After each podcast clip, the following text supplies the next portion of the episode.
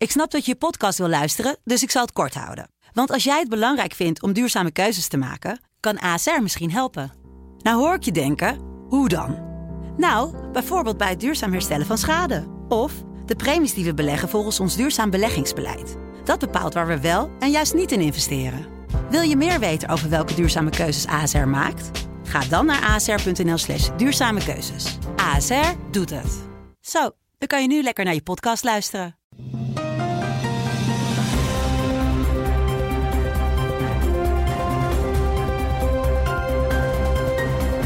Dit is een podcast van de Telegraaf. In het land van Wierduk met Robert Ophorst. Donderdag 22 oktober, ja, daar zijn we weer met een nieuwe podcast. En we doen het dit keer telefonisch, want uh, Wiert, je hebt een week vakantie, dus je hebt je even weggerukt uh, van je Netflix-account om voor ons uh, een opname te starten. Ja, omdat er deze week toch zoveel aan de hand is en um, dat kunnen we toch eigenlijk niet onbesproken laten. Dus um, even een uurtje niet op vakantie. Ja, nou ja, laten we daar dan meteen maar mee beginnen. Want uh, met Frankrijk natuurlijk. Hij stond bekend als een vriendelijke leraar, maar wel iemand met autoriteit. Een leraar die zorgde voor uh, levendige lessen. Waarbij, zijn leer, waarbij hij zijn leerlingen ook graag liet uh, debatteren. Ik heb het natuurlijk over de 47-jarige Samuel Paty. Vader van een vijfjarig zoontje. Hij werd vrijdagmiddag op weg van school naar huis onthoofd. Het was ja. de gruwelijke climax van een, van een haatcampagne die was gestart nadat hij tijdens een van zijn lessen Mohammed-cartoons had laten zien. Um, hij werd gedood omdat islamisten ons land willen, maar met stille helden als Paty zullen ze het nooit krijgen, sprak president Macron woensdagavond tijdens een nationale herdenking. Is de Franse Republiek inderdaad sterker dan de radicale islam? Nou, dat mag je hopen, uh, maar demografisch is dat maar helemaal de vraag of dat zo is. Um, die reactie van Macron trouwens, die was wel sterk en die, bij die herdenking in, de, in de, binnenplaats van de Sorbonne, dat was ook allemaal heel, eervol en helemaal in lijn met zeg maar, de tradities van de Franse Republiek. Um, dus dat was heel goed. Um, wat je ook ziet is. Um, hè, overigens moeten we nog even als disclaimer toevoegen dat de leraar weliswaar die cartoons wilde laten zien, maar tegen leerlingen uit zijn klas die daar problemen mee hadden kunnen hebben, had gezegd van je hoeft niet in de klas te zijn of je mm. moet je ogen dicht doen. Ja. Hij wilde dus niet, het ging hem niet om de provocatie, het ging hem dus echt om hè, lesgeven in. Het was een uh, les ja, in, ook in over, precies, en het was ook een les over vrijheid van meningsuiting, dus het was ja. ook in de context daarvan. Ja, precies. Dus vrijheid van meningsuiting, vrijheid van expressie. En dat is in Frankrijk hè, de, de, de, de burgerschap. Um, de laïcité, de, de scheiding tussen kerk en staat, uh, de waarden van de republiek, dat is in Frankrijk iets wat mensen eigenlijk met hun DNA gewoon, daar worden ze gewoon mee geboren. En uh, de Fransen hebben ook altijd geprobeerd om die, uh, die hele waardeleer, zeg maar, over te dragen op hun minderheden. Hè. Dat zie je ook in hun koloniale optreden. ze hebben altijd geprobeerd om de Franse cultuur, Franse beschaving, Franse onderwijs zo op in die koloniën ook um, uh, verder door te voeren en door te geven. Terwijl Nederland dat eigenlijk helemaal niet heeft gedaan. Hè. Wij, wij, beperkten ons midden meer tot handel en bestuur. Maar de Fransen hadden hele duidelijk. Die hebben zichzelf altijd als een, um, een cultuurnatie gezien. En die hebben ook altijd die beschavingsopdracht uh, gezien. Mm -hmm. er antiracisten en anticolonialisten die zullen hier weer helemaal mee oneens zijn en boos worden en zo. Maar het was wel degelijk het geval. De Fransen hebben die beschavingsopdracht op zich genomen. En, uh, en je ziet dus nu, de laatste decennia, dat dat dus enorm mislukt. Omdat weliswaar grote delen van hun uh, islamitische bevolking en hun allochtone bevolking uh, wel meedraait en wel gewoon meedoet. En je ziet het ook in de Franse regering. Daar zitten gewoon de mensen van kleur, zoals het heet. Ja, en, die de republiek en, omarmen. Die de republiek omarmen, precies wat je zegt. Uh, maar hele grote delen, hè, vooral de, de, de, de onderklasse of de, de, mensen aan de onderkant van de samenleving die in die banlieues wonen. Ja, die zitten in volledig volstrekt parallele werkelijkheden. En de politie komt, de CRS, uh, die komt daar ook vaak, die wijken helemaal niet meer in. Want er worden ze gewoon bekogeld of beschoten. Dus het is een heel groot radicaliseringsprobleem in, in uh, Frankrijk. En um, ja, dan is het maar de vraag. Of uiteindelijk die Franse staat is opgewassen tegen de druk vanuit uh, dat salafisme en vanuit het jihadisme vooral, dus de gewelddadige tak daarvan. Uh, en op zo'n moment dat dan uh, iemand als Samuel Paty, die, die, dus eigenlijk zeg maar, die beschavingsopdracht symboliseert door als leraar geschiedenis en aardeskunde die waarde te proberen door te geven op die kinderen. -hmm. Als hij dan wordt onthoofd, hè, onthoofd is ook het meest, hij wordt niet neergestoken of doodgeschoten. Nee, en ik noemde het ook expres een, een haatcampagne. Dat zijn ook de woorden die, die volgens mij Macron zelf heeft gebruikt, maar dat was het natuurlijk ook. Hè. Het was, er werden mensen opgehitst uh, door uh, activisten. Ja, nou ja, kijk, de symboliek kan niet groter zijn. Kijk, hij werd dus opgehitst uh, door vaders en, door, en vanuit een moskee. En uiteindelijk komt er een jonge Tsjetsjeen van 18 uit een stadje verderop. Die komt bij die school, die vraagt aan kinderen wie is die leraar.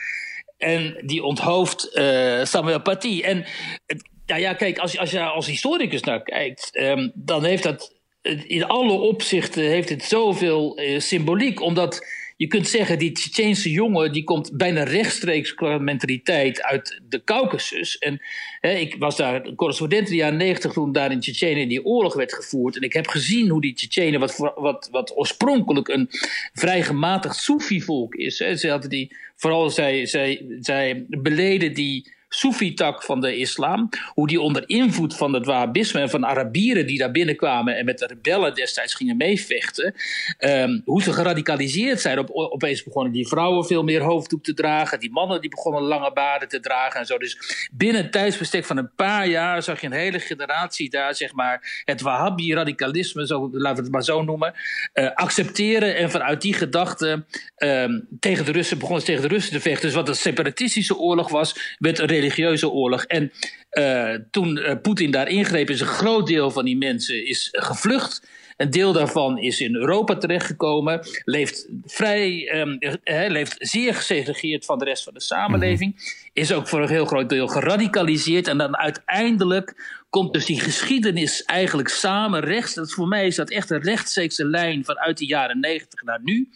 Door zo'n jongetje van 18 dat precies hetzelfde doet um, op een straat in Frankrijk. Wat zijn broers en zijn vader en zijn oom deden uh, in de Caucasus, waar ze Russische soldaten onthoofden. Ja. En uh, en zo zie je dus, weet je, dat is ook een aspect van het globalisme. De open grenzen speelt hier een rol. De totaal mislukte uh, immigratiepolitiek. Want wat doen die Tsjetsjenen hier eigenlijk? Iedereen vraagt zich af, hoe komen die hier? Hè? Want ze krijgen ook vaak helemaal geen, geen vluchtelingenstatus. Dus ze leven in een soort van illegaliteit. Uh, en, en en ze zijn dus ook nog eens een keer geradicaliseerd in Frankrijk, wat al zo'n brandhaard van radicalisme is. Ja, boem, weet je, dan klapt de geschiedenis gewoon rechtstreeks vol in je gezicht in de actualiteit. En, en alle aspecten van de afgelopen decennia die problematisch zijn, die ballen zich dan samen in één zo'n verschrikkelijk incident, zoals het in Nederland wordt genoemd door de sommige media en commentatoren. Wat dus gewoon een gruwelijke uh, moord is. En nu ja, moeten en we wat dus je, zo- en- waarvan jij ook zegt, dat is geen incident. Het, het heeft een lange aanloop. Tuurlijk, dit heeft een lange aanloop. Dit is gewoon onderdeel van een, van een ontwikkeling die we zien in Europa. En waar we in de podcast ook al veel, vaker, veel vaker voor hebben gewaarschuwd. Hè. Radicalisering van grote groepen jongeren. Uh, en, en nu kom ik op het andere punt. En dat zie je dus terug in Nederland. Omdat uh, de aanvankelijke reacties vanuit de politiek en vanuit het commentariaat, zoals ik dat noem. Hè, al die opiniemakers en commentatoren en deskundigen die altijd maar aanschuiven bij die talkshows en bij die praattafels en die dan over van alles en nog wat een mening hebben, die waren nu opeens doodstil. En uh, ze waren erg stil op een enkeling na. Hè? Ahmed Marcouch niet en uh, Lodewijk Asscher ook niet en uh, nog een paar andere. Ja, Wilders natuurlijk, die reageerde wel onmiddellijk. maar hè, Rob Jetten liet niks van zich horen, Sigrid Kaag niet, Jesse Klaver natuurlijk niet. Nee, Kaag heeft inmiddels wel... ja, Kaag en Rutte hebben inmiddels wel gere gereageerd. Wanneer lieten ze wel van zich horen? Toen uh, Fidan Ekens, presentator van de vooravond, bij de vooravond dit aanstipte. Waarom is iedereen zo stil? Naarmate de dagen en de uren verstreken, dacht ik. Waar blijft die openlijke geschokte reactie in Nederland? Mm -hmm. Ik bedoel, we hebben allemaal gezien dat we. Kijk, in Frankrijk zijn ze echt massaal de straat op gegaan. En wij kunnen dat ook, hebben we gezien. Ook vanuit de politiek, hè? Niet maar heel vanuit veel, de eh, politiek vooral is het muis stil. Waar komt dat door? En dat, maakt, en dat baart mij zorgen. Nou, En waar komt dat door? Ja, de angst.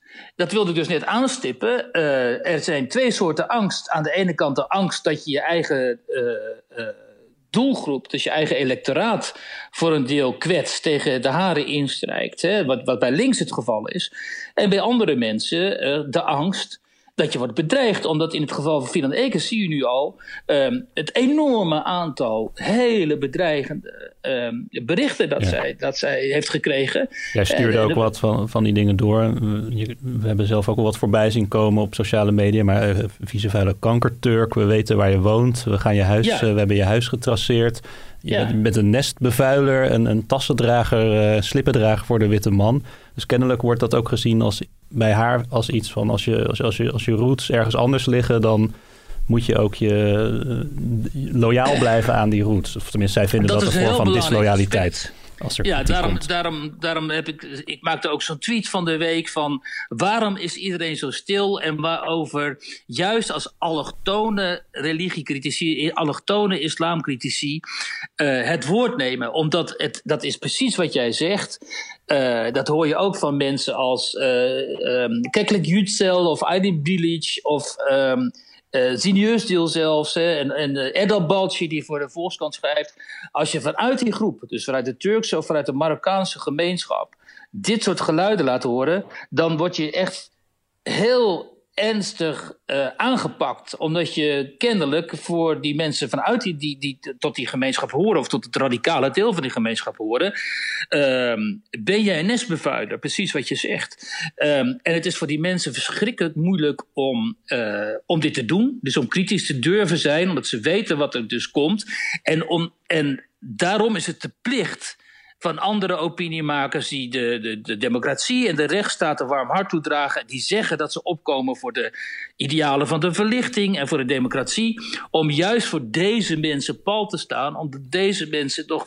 Hè, die krijgen het bij wijze van spreken net zo voor de kiezen als uh, Geert Wilders. Nou, we weten wat Geert Wilders voor de kiezen krijgt. Dat is niet gering. En hij is dus inmiddels uh, niet de enige. Um, dat moeten we allemaal zeer ernstig nemen, vind ik. En de, de, de soort van de, de onverschilligheid of de nonchalance, hè, die toch wel doorklinkt in heel veel van die reacties, waarin niet eens het woord islam wordt genoemd, of waarin dan wordt gerept over een extremist. Ja, dat is natuurlijk allemaal zo'n enorm verschil met de urgentie die je wel voelt in de reacties in Frankrijk. En ook van Macron, die je op allerlei andere punten kunt bekritiseren. Maar daar is toch wel heel tijdens, als ik bijvoorbeeld een vlammend uh, hoofdredactioneel in de Figaro, dat is een conservatieve krant in Frankrijk, maar echt een vlammend verhaal waarin gezegd wordt: dit kan gewoon niet langer. We worden van binnenuit worden we opgevreten. De worm heeft zich genesteld in het fruit en die moet er worden uitgehaald. Nou ja, dat is gewoon klare taal. Hè? Mm-hmm. En, en het. En dat, vervolgens moeten daar nog daden op volgen. Die zijn er inmiddels ook wel. Want hè, de Franse staat heeft inmiddels 200 mensen aangewezen. Die moeten worden uitgewezen. Er worden moskeeën gesloten. Natuurlijk moeten daar daden op volgen. Maar formuleer eerst eens de klare taal. En zelfs daar ontbreekt het in Nederland aan. Zelfs daar komt Rutte niet aan toe. Zelfs daar komen de grote volkspartijen, zoals ze die noemen, niet aan toe. Um, ja, en dat is toch wel een heel groot um, gemis helaas in Nederland, polderland, consensusland, waar iedereen altijd maar probeert om te sussen en te doen. En uiteindelijk um, bereik je daar in zo'n geval als dit uh, helemaal niets mee. Mm-hmm. Denk je dat dat uh, gaat helpen in Frankrijk? Want je zegt enerzijds dus, Poetin gooit dan bommen hè, om, dat, uh, om, om die radicale islam te bestrijden. Dan vluchten die ja. mensen naar, uh, naar West-Europa. Ja. Daar worden ze opgenomen ja. in een republiek die, die hen eigenlijk probeert op te voeden in dat seculari secularisme. secularisme ja. Ja. Um, maar dan zie je dat dat bij een deel van de mensen ook niet helpt. Dat die blijven in die parallele samenleving leven. Ja, nou ja, kijk, je zou hopen, hè, als de EU nou ergens goed voor zou zijn, dan zou het, zou het goed kunnen zijn om, als vanuit Brussel een strategie werd geformuleerd om dit gevaar, eh, wat dus toch de hele Europese Unie op enkele Oost-Europese landen na misschien bedreigt, om dit uh, aan te pakken. Maar ja, daar is natuurlijk helemaal geen sprake van. Dat, dat, dat, dat, Integendeel uh, zelfs, hè, de, binnenkomst van deze mensen wordt juist door Brussel gefaciliteerd. Hè, onder bom van mededogen en, en het zijn vluchtelingen. Dus um, daar zit al de eerste fout. Um, Vervolgens, um, ja, wat Macron, betreft, heeft natuurlijk allerlei. Hij zal waarschijnlijk alle mogelijke middelen die hij binnen die van de rechtsstaat uh, heeft, um, in gaan zetten. maar de vraag is of dat voldoende is. Want kijk, je kunt zeggen, ja, je moet misschien de Franse samenleving of de Franse economie of de, de, het Franse leven misschien aantrekkelijker maken voor deze groepen, zodat ze er wel deel aan willen hebben en zo. Maar ja, vaak zijn het zelfs hoogopgeleide, vrij succesvolle moslims, ja. die juist zich ook schuldig maken aan dit radicale denken en andere mensen ophitsen. Het is niet alleen maar een gebrek aan buurthuizen.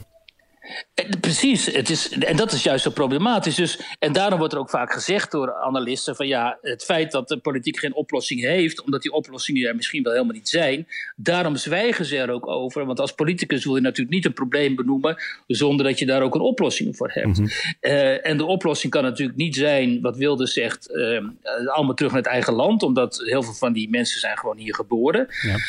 Maar je kunt je wel gaan afvragen of we niet eens een keer wat um, zeg maar onconventionelere oplossingen moeten aandragen. Bijvoorbeeld uh, aan deze mensen vragen of zij niet vrijwillig uh, naar een land van keuze zouden willen gaan, waar de sharia uh, heerst en waar zij zich zeg maar ondemocratisch kunnen gedragen, zoals ze dat kennelijk willen, zodat zij, wij, zodat zij van ons af zijn en wij van hen. Um, en dan kunnen ze daar hun. Nou ja, dat heeft een, uh, een deel natuurlijk ook geprobeerd hè, met het kalifaat. Ja, dan is dat weer het punt dat ze dan vervolgens voor nog de deel de wapens opnemen. En in die landen uh, ja. de strijd aangaan met, met overheden die vaak veel harder tegen hen optreden dan, dan uh, wij hier in het, in het Westen. En dat is ook nog zo'n ding, want uh, die, die overheden daar in, in landen in het Midden-Oosten en zo, die zijn vaak veel en veel harder en meedogenlozer natuurlijk dan wij. Dat schrijft die commentator in de, in de Figaro ook. Uh, dat, wij, hè, dat wij in het Westen deze groepen en deze cellen zeg maar, tegemoet treden met veel te veel bescheidenheid en met veel te veel taboes. Mm -hmm. En dat zij zo misbruik maken van die tolerantie, wat natuurlijk, ja. wat natuurlijk ook het geval is. En het staat ja. natuurlijk ook voor een deel los van een bevolking. Hè? Het gaat om een ideologie en niet zozeer om een, uh, om een afkomst van iemand. Ja, ook dat nog natuurlijk. Hè. Het is, uh, het is, uh, de, inter, het is de, de Umma, dus de internationale islamitische beweging. En het is binnen die islamitische wereld ook maar een, een deel natuurlijk dat zich op deze manier misdraagt en dat naar de wapens grijpt. Hè. Want er zijn natuurlijk heel veel moslims die gewoon normaal leven leiden en die hier, hier natuurlijk evenzeer van gruwen als, als jij uh, of ik. Maar ja, die weten dat wanneer zij hun mond open doen, dat zij dan, door, uh, dat zij dan ook doelwit kunnen worden. En dus houden deze mensen ook vaak hun mond, hoewel ze natuurlijk um, gewoon in, in, in stilte die gruweldaden verwerpen en, en afwijzen. Um, dat is ook het probleem, dat, dus hele, dat die gemeenschap gegijzeld wordt door een kleine groep gewelddadige mensen.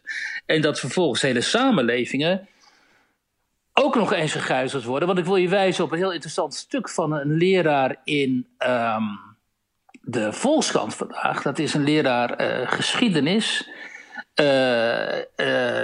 Maatschappijleer, sorry, Jasper Rijk. Mm -hmm. En die schrijft dus over zijn ervaringen en over de vraag die hij stelt: van ja, wat durf ik eigenlijk nog? En hij stelt een heel interessante ontwikkeling aan de orde. Um, kijk, hij zegt in de oude klassensituatie waarin je elkaar kent en vertrouwt. Um, durf ik eigenlijk het meeste nog wel. Ik laat ook cartoons zien en zo. Alleen ons onderwijs, zegt hij, wordt steeds meer hybride. Dus we hebben niet alleen lessen live, maar we worden ook nog eens een keer gestreamd, worden opgenomen. En we zeker weten niet nu. wat er met. Ja, het... zeker nu. En hij zegt, we weten niet wat er met die opnames gebeurt. In wiens handen komen ze terecht? En hij zegt, de docent moet maar afwachten. Mm -hmm. uh, maar hij kan zomaar willoos slachtoffer worden... Ja. als de beelden in verkeerde handen vallen. Want zo was het natuurlijk deels ook bij Pathie gegaan. Hè? Er werden er werden Precies. ook roddels verspreid over hem, of althans verhalen verspreid die helemaal niet, die heel, helemaal niet strookten met de werkelijkheid. Er werd gezegd dat hij moslimleerlingen de klas uit had gestuurd en dat ze niet meer welkom waren. En nou ja, het, het, het, was allerlei desinformatie en er, werd allerlei, er was sprake van een frame ook. Nee, maar luister, luister hoe het gaat. Hè. Um, want dit is dus precies wat er in die tijd, in deze periode ook met social media aan de hand is. In Nederland is er ook zo'n site. die is dus Fidan Ekers aan het framen. En dan staat daar bijvoorbeeld de, de Turks-Nederlandse Fidan Ekers en haar ex-man, dat ben ik dan, halen de islam neer en noemen allochtonen ongewone Nederlanders. Dat is dus helemaal niet gebeurd. Niet door haar, niet door mij. Maar dat bericht krijgt wel 5000 likes. 5000 mhm. mensen geloven dat nu dus. Hè? Dus zij en ik worden geframed, waardoor we gevaar gaan lopen. Omdat 5000 van die mensen, die, die geloven wat daar staat. Um, en dat is met die pathie net zo gebeurd. Deze leraar, uh, uh, met zijn goede stuk in de Volkskrant, uh, Jasper Rijk, die is daar natuurlijk ook beducht voor. Die denkt, joh, zometeen word ik opgenomen. Ik zeg iets wat misschien licht controversieels is. Er wordt in geknipt. Dat wordt verdraaid. Het gaat een eigen leven leiden en ik ben de klos. Waarom zou je dat willen als leraar? Je hebt al een, eh, een, een baan die niet uh, veel geld uh, oplevert. Dat is toch een beetje liefdewerk oud papier vaak. En dan zal je ook nog eens een keer aan dat soort gevaren gaan blootstellen. Ik kan, heel goed, ik kan me heel goed voorstellen dat, dat die mensen zeggen... ja, maar daar begin ik niet aan. Mhm. Waarom zou je dat doen? Bovendien, en het moet ook gezegd worden... waarom zou je het doen als de overgrote meerderheid van de Nederlandse bevolking zwijgt? ja wel zijn mond houdt. Gewoon doorgaat met leven. En dan laten ze allochtone critici, hè, die namen die ik net genoemd heb, en nog een heel stel andere, die laten ze de kolen uit het vuur halen. Dan, dan zou ik ook op een gegeven moment denken: ja, jongens, sorry, maar ik haak hier af. Ik heb ook nog een leven. En uh, ik heb wel wat beters te doen met mijn leven dan voor jullie de kolen uit het vuur te halen. Op een gegeven moment ga je natuurlijk op die manier denken. In een samenleving ook die zo gepolariseerd is. En waar je in jij ook, hè, als Turk of Marokkaan, ook als je je mond open doet en ook als je je keert tegen dit soort radicalisme, toch altijd weer, ook zeg maar uit die rechtse, hè, islamkritische hoek, altijd het risico loopt dat je ook weer door hen wordt gevreemd als Turk of Marokkaan of, of ex-moslim of weet ik veel wat. Ja, um, uiteindelijk doe je zoiets, hè, het riskeren van, van, van je eigen welzijn, zeg maar. Dat doe je natuurlijk uiteindelijk niet uh, voor jezelf. Dan wil je ook graag een samenleving daarmee helpen. Maar als een samenleving uh, toch altijd weer jou erop wijst, uh, nou ja, dat je, dat je misschien ook niet uh, altijd even welkom bent en zo, dan zou ik ook denken, nou, dit is een beetje, weet dat, parels, parels voor de zwijnen, zo heet het toch, geloof ik. Mm -hmm. Ja, ik heb dit misschien niet helemaal helder uitgelegd, maar ik denk dat de mensen, mensen wel zullen begrijpen dat wanneer jij um, dit soort seculiere opinies formuleert als iemand met de allochtone afkomst uit wat wordt gezien als een moslimgemeenschap, dat je niet alleen vanuit die gemeenschap kritisch wordt benaderd en zelfs wordt bedreigd, maar ook nog eens een keer binnen de autochtone gemeenschap bij heel veel mensen hele nare reacties oproept. Want de mensen van links, die zeg maar de, de natuurlijke bondgenoten van de islam, die bekritiseren jou, dat zie je ook heel sterk, hè? dan ben je een bounty in hun ogen. En de mensen van rechts, tot extreem rechts, zeg maar, die van zichzelf vinden dat ze zo islamkritisch zijn, die zullen jou ook uiteindelijk voor een heel groot deel wantrouwen, want je bent toch uiteindelijk die Turk of die Marokkaan. Dus deze mensen zitten echt in een hele verschrikkelijke positie. Dus van de democraten onder ons, hè, de mensen uit de middenpartijen, hè, wat Lodewijk Asscher dus heel goed uh, heeft gedaan deze week, maar wat ook D66 en GroenLinks en CDA en VVD zouden moeten doen, maar niet voldoende doen, die zouden deze mensen moeten omarmen en zeggen wij gaan rond jullie staan. Want wat jullie doen, uh, dat, dat zouden wij moeten doen en jullie doen het voor ons. We gaan naar een iets lichter onderwerp. Um, Thierry Baudet die dacht in de campagne voor de gemeenteraadsverkiezingen in 2018 dat hij was uh, gedrogeerd tijdens een lijsttrekkersdebat in de Amsterdamse Bali. Dat uh, incident staat beschreven in een nieuw boek. Mijn meningen zijn feiten van de ja. journalisten Harm Ede Botje en uh, Misha Cohen, dat vandaag donderdag verschijnt. Ja. Um, nou, die anekdote, dat is natuurlijk heel smeug, want hij had, stond daar te praten. Hij had een karaf en water voor ja. zich en hij voelde zich kennelijk niet helemaal niet helemaal lekker worden. En hij liep na afloop naar zijn uh, companen Jeroen, uh, Jeroen de Vries en Henk Otte, Henk Otte toe. En hij riep uit, ik, ik ben gedrogeerd. Ze hebben wat in mijn glas gedaan. Nou, dat bleek uiteindelijk allemaal niet waar te zijn. Uh, of althans, er bleek, uh, ze zijn naar het ziekenhuis gegaan, hebben daar geloof ik nog een, een bloedonderzoek laten doen. En dat bleek, bleek niks aan de hand. Die anekdote komt ook uit de koker van Otte, begrijp ik. Inmiddels een beetje ja. een gezworen aardsvijand. ja. Hoe, Moeten we dit dan inschatten? Is dit gewoon een velspuierij van een, van een oude politieke vijand? Nou ja, ik heb dat boek dus mogen lezen. Dus ik heb het deze week gelezen. En um, um, kijk, Michel Cohen, Harme Ede Botje, die werken voor Vrij Nederland. Of komen uit de stal van Vrij Nederland. En zijn natuurlijk, hè, zeg maar in die zin, een beetje links uh, journalisten. Dus dat ze kritisch zijn op moderne vormen van democratie. Uh, dat spreekt uh, vanzelf. Uh, en dan mag ook wel wat gebeurt van alles natuurlijk bij Forum waarvan je denkt, oké. Okay. maar dit zijn ook goede schrijvers en goede journalisten. En ze hebben een interessant boek gemaakt over Baudet. Mm-hmm. Waarin vooral de jonge jaren van Baudet, de vorming van het politieke bewustzijn van Baudet, heel interessant is. Omdat veel mensen dat waarschijnlijk niet zullen weten, niet zullen kennen. En ze hebben toch wel heel veel informatie weten op te diepen en zo. En heel veel anekdotes. Ook anekdotes waar ik zelf bij speel en zelfs een beetje een rol in speel. Um, Wat dan? Uh, nou, bijvoorbeeld. Um, ze beginnen met de presentatie van het boek over Tocqueville van de broers uh, uh, Sommer. Dat zijn de zoons van Martin Sommer, de commentator van de Volkskrant. En mhm. dat was inderdaad bij het plein um, in ver van de Tweede Kamer in Den Haag destijds. Dat boek werd gepresenteerd, werd aangeboden aan Mark Rutte. En uh, toen um, uh, liberaal-conservatief Nederland was daar aanwezig. En ik had die jongens geïnterviewd toen voor onze krant. dus ik was daar ook. En um, ja, dan, dan loopt iedereen daar, hè, van, van Rutte tot Baudet tot Bosma tot, uh, noem maar op, uh, al die mensen die zich een beetje begeven daarin, van, van, liberalen tot conservatieven tot um, nationalisten, uh, liep daar rond. En zij beginnen hun boek daar, omdat, ze, omdat niet alleen omdat Tocqueville voor het denken van Baudet een hele belangrijke, of in het denken van Baudet een hele belangrijke rol speelt. Maar ook omdat ze daar constateren dat er binnen die groep mensen die allemaal toch een beetje uh, grasduinen in hetzelfde uh, politieke de, wereld van de politie, hetzelfde politieke denkers, dat daar toch ook wel heel veel controverse bestaat en conflict onderling. En ze schilderen dan Baudet af um, als degene die eigenlijk zeg maar voor zichzelf de statuur inneemt als de man die het toch eigenlijk allemaal beter weet dan uh, de mensen om hem, om hem heen.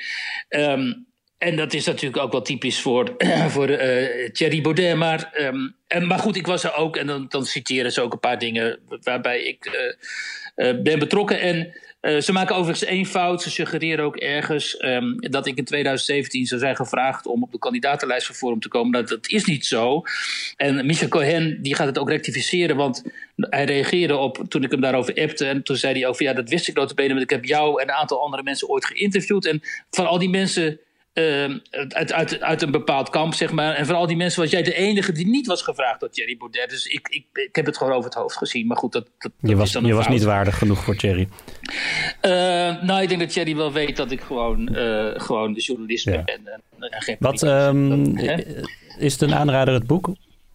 Ja, het is een aanrader omdat, uh, dat zal Baudet natuurlijk niet vinden, want hij komt er uh, niet altijd even goed van af. Mm-hmm. Maar voor iedereen die in geïnteresseerd is in de opkomst van de, dit nieuwe fenomeen en in de, ook zeg maar de, het is een beetje toch de opkomst en misschien al wel weer de ondergang van dit fenomeen, mm-hmm. is het heel interessant om, om dit te lezen, omdat uh, eruit blijkt ook dat Baudet natuurlijk eigenlijk helemaal geen politicus is, maar iemand, een soort vrij zwebende intelligentie die een beetje zijn, intellectuele blik over dat politieke landschap laat gaan. En daar eigenlijk heel, heel uh, ja, met veel dédain naar kijkt. En nu is hij daar zelf deel van. En dat is hij ook met veel eigenlijk ongenoegen.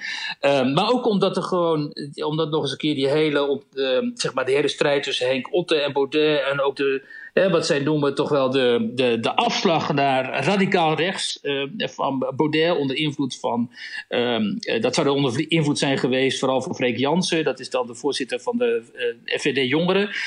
Die beschrijven zij ook. En, um, en ook de kritiek van mensen als Otte en zo daarop. Dus die hele slangenkuil, zeg maar, en die, die beweging.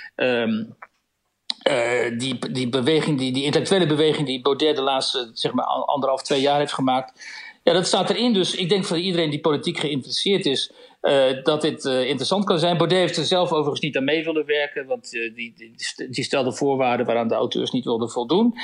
Um, um, ik denk um, dat het wel een, zeg maar, toch een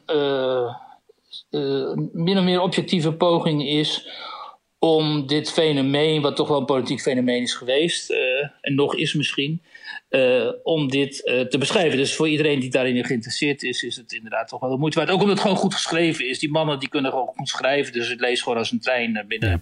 binnen een avond heb je het uit, zeg maar.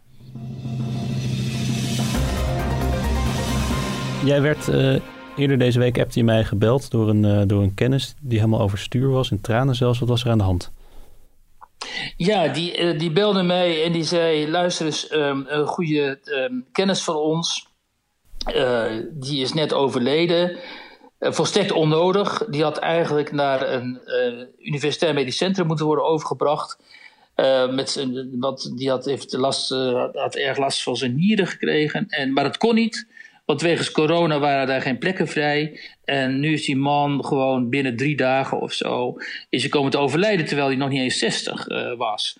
Um, en dit is nu volgens mij zo beschreef zij het ook, zo'n voorbeeld van wat er kan gebeuren als de reguliere zorg, zeg maar, in de problemen komt door die coronacrisis. Dan zijn er geen plaatsen meer in uh, de gespecialiseerde centra. Uh, want die hebben gewoon geen tijd of gebrek aan personeel of gewoon geen plek meer. En dan komen deze mensen die toch ook ernstig ziek zijn, die komen in de knel. En een aantal daarvan uh, komt te overlijden, zoals deze meneer. En dan, dat is toch wel heel erg schrijnend, moet ik zeggen. Um, uh, en dat is natuurlijk een gevolg van uh, bezuinigingen die ertoe hebben geleid dat wij ons zorgsysteem niet is ingericht op een crisis zoals nu, de coronapandemie.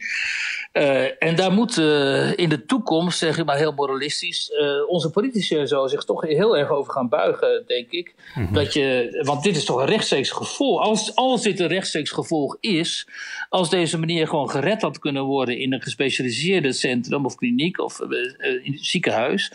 Um, dan is hij dus um, overleden door eigenlijk politieke keuzes. En um, ja, dat vind ik toch wel even iets wat we aan de orde moeten stellen. Wat in de media, ik heb het wel her en der gezien hoor, deze problematiek.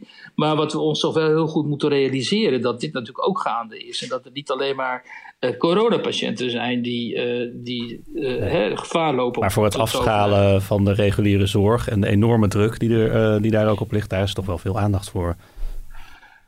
Ja, alleen als je dan met zo'n concreet geval wordt geconfronteerd, dan denk je, ja, kijk, dit is het dus. Mm -hmm. He? Je ja. leest natuurlijk afschalen, reguliere zorg, dan denk je, oh ja, oké. Okay. Maar ja, dit is één zo'n concreet geval. Ja. En er zijn natuurlijk veel meer van dit soort gevallen. En uh, dan, dan, klapt het, uh, dan hakt het, hakt het er wel behoorlijk in als je dit uh, zo op deze manier te horen krijgt. Tot slot dan misschien. Um, nou, de excuses die iedereen inmiddels denk ik wel uh, gezien heeft. Het royale berouw van onze koning voor zijn uh, ja. afgebroken Griekse vakantie. Ben jij nou van de school zand erover en nu is het klaar? Of uh, ben je nog niet ja, helemaal tevreden? Ik, God, ik kijk naar dit filmpje en de werkelijkheid overtreft dan toch altijd weer fictie. Hè? Dan denk je, oh, dit is Lucky TV, maar dat is het dan niet. Met spijt in het hart richt ik mij tot u. Onze reis naar Griekenland heeft bij heel veel Nederlanders hevige reacties opgeroepen. Het doet pijn uw vertrouwen in ons beschaamd te hebben. In mijn ogen is het zo'n merkwaardige vars. Eigenlijk alles. In de eerste plaats dat het koninklijk gezin dan niet begrijpt dat je dit even niet moet doen. Wat er dus op duidt dat ze oftewel gewoon ontzettend onverschillig zijn of echt geen idee hebben wat de stemming in de samenleving is. Nou, dat is natuurlijk bedenkelijk. Vervolgens dat ze dan hals over kop, uh, hals over kop half half terugkeren, niet allemaal. Mm -hmm. En dan uiteindelijk zo'n excuusvideo, wat natuurlijk een verschrikking is als je die ziet. Eh, de manier waarop en het feit dat men zich gedwongen voelt om dat te maken. En dan de reacties daar weer op. De totaal idiote uh, analyses over de, de lichaamstaal van, van, van uh, Maxima en zo. Dus ik heb het maar voor een groot deel bewust aan me voorbij laten gaan om, om daar niet uh, al te zeer over te moeten nadenken. Maar um, ja, het is natuurlijk wel weer een heel erg knullig uh, gedoetje. Um, Uh, maar in die end vind ik dat het Koningshuis gewoon moet blijven. En ik vind het ook wel weer wat hebben als ze zo ontzettend aan het, aan het het is ook wel een soort trainwreck of zo. En dat is het natuurlijk al veel langer. Hè? Ik bedoel, Prins Bernhard, dat was natuurlijk ook al zoiets. En dit is ook wel, het heeft ook wel wat als er rond zo'n koninklijk huis mm telkens van dit soort menselijke schandalen spelen. Zeg maar. En het, het, het, het, is ook wel op een, op, klein niveau uh, vergeleken bij uh, buitenlandse koningshuizen.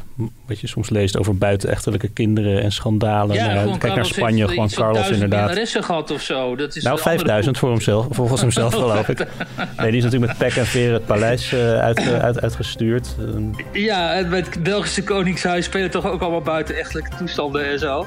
En um, ja, weet je, ik meen dat Willem-Alexander zelf zei, betrokken maar niet onfeilbaar of zo, hè, zei hij geloof ik. Ja. En uh, zeker niet onfeilbaar zou ik zeggen. Hè? Iets, iets te weinig betrokken misschien en zeker niet onfeilbaar. Maar ja, goed, dat heeft ook wel weer wat. Dan hebben we in ieder geval weer eh, veel om over te, te, te praten. En de, de, de, roddelbraden die kunnen daar dan weer helemaal vol mee staan. Dus uh, uh, ja, ik zou er niet, in ieder geval geen afscheid van hem willen nemen. Nou, dankjewel Wiert. Ik zou zeggen, ga weer, ga weer terug naar, naar, je, naar je vakantie. Naar je vakantie. Ja. Ben je er volgende week weer terug trouwens? Ja, volgende week weer gewoon op de, op de post. Oké, dan, uh, dan spreken we je dan weer. Bedankt en iedereen uh, ook bedankt voor het luisteren. Tot volgende week. Dankjewel.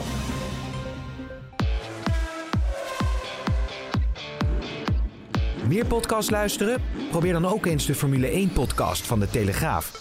Kom op, let's go. We gaan beginnen. Erik van Haren en Christian Albers praten hier elke maandag bij over de belangrijkste ontwikkelingen in de Formule 1. Formule 1 is saai. Ja, ik vond het bijvoorbeeld dit weekend absoluut geen saaie race. Na afloop het ongeloof op de gezichten van de Mercedes-coureurs, Lewis Hamilton en Valtteri Bottas, toen ze naar hun eigen banden keken en die vergeleken met de staat van de banden van Verstappen.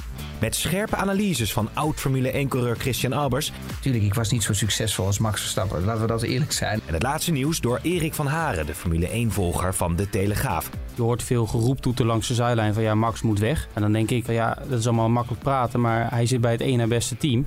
En bij het beste team is geen stoeltje beschikbaar. Luister dus op de site en in de app van de Telegraaf of via je eigen favoriete podcastplayer.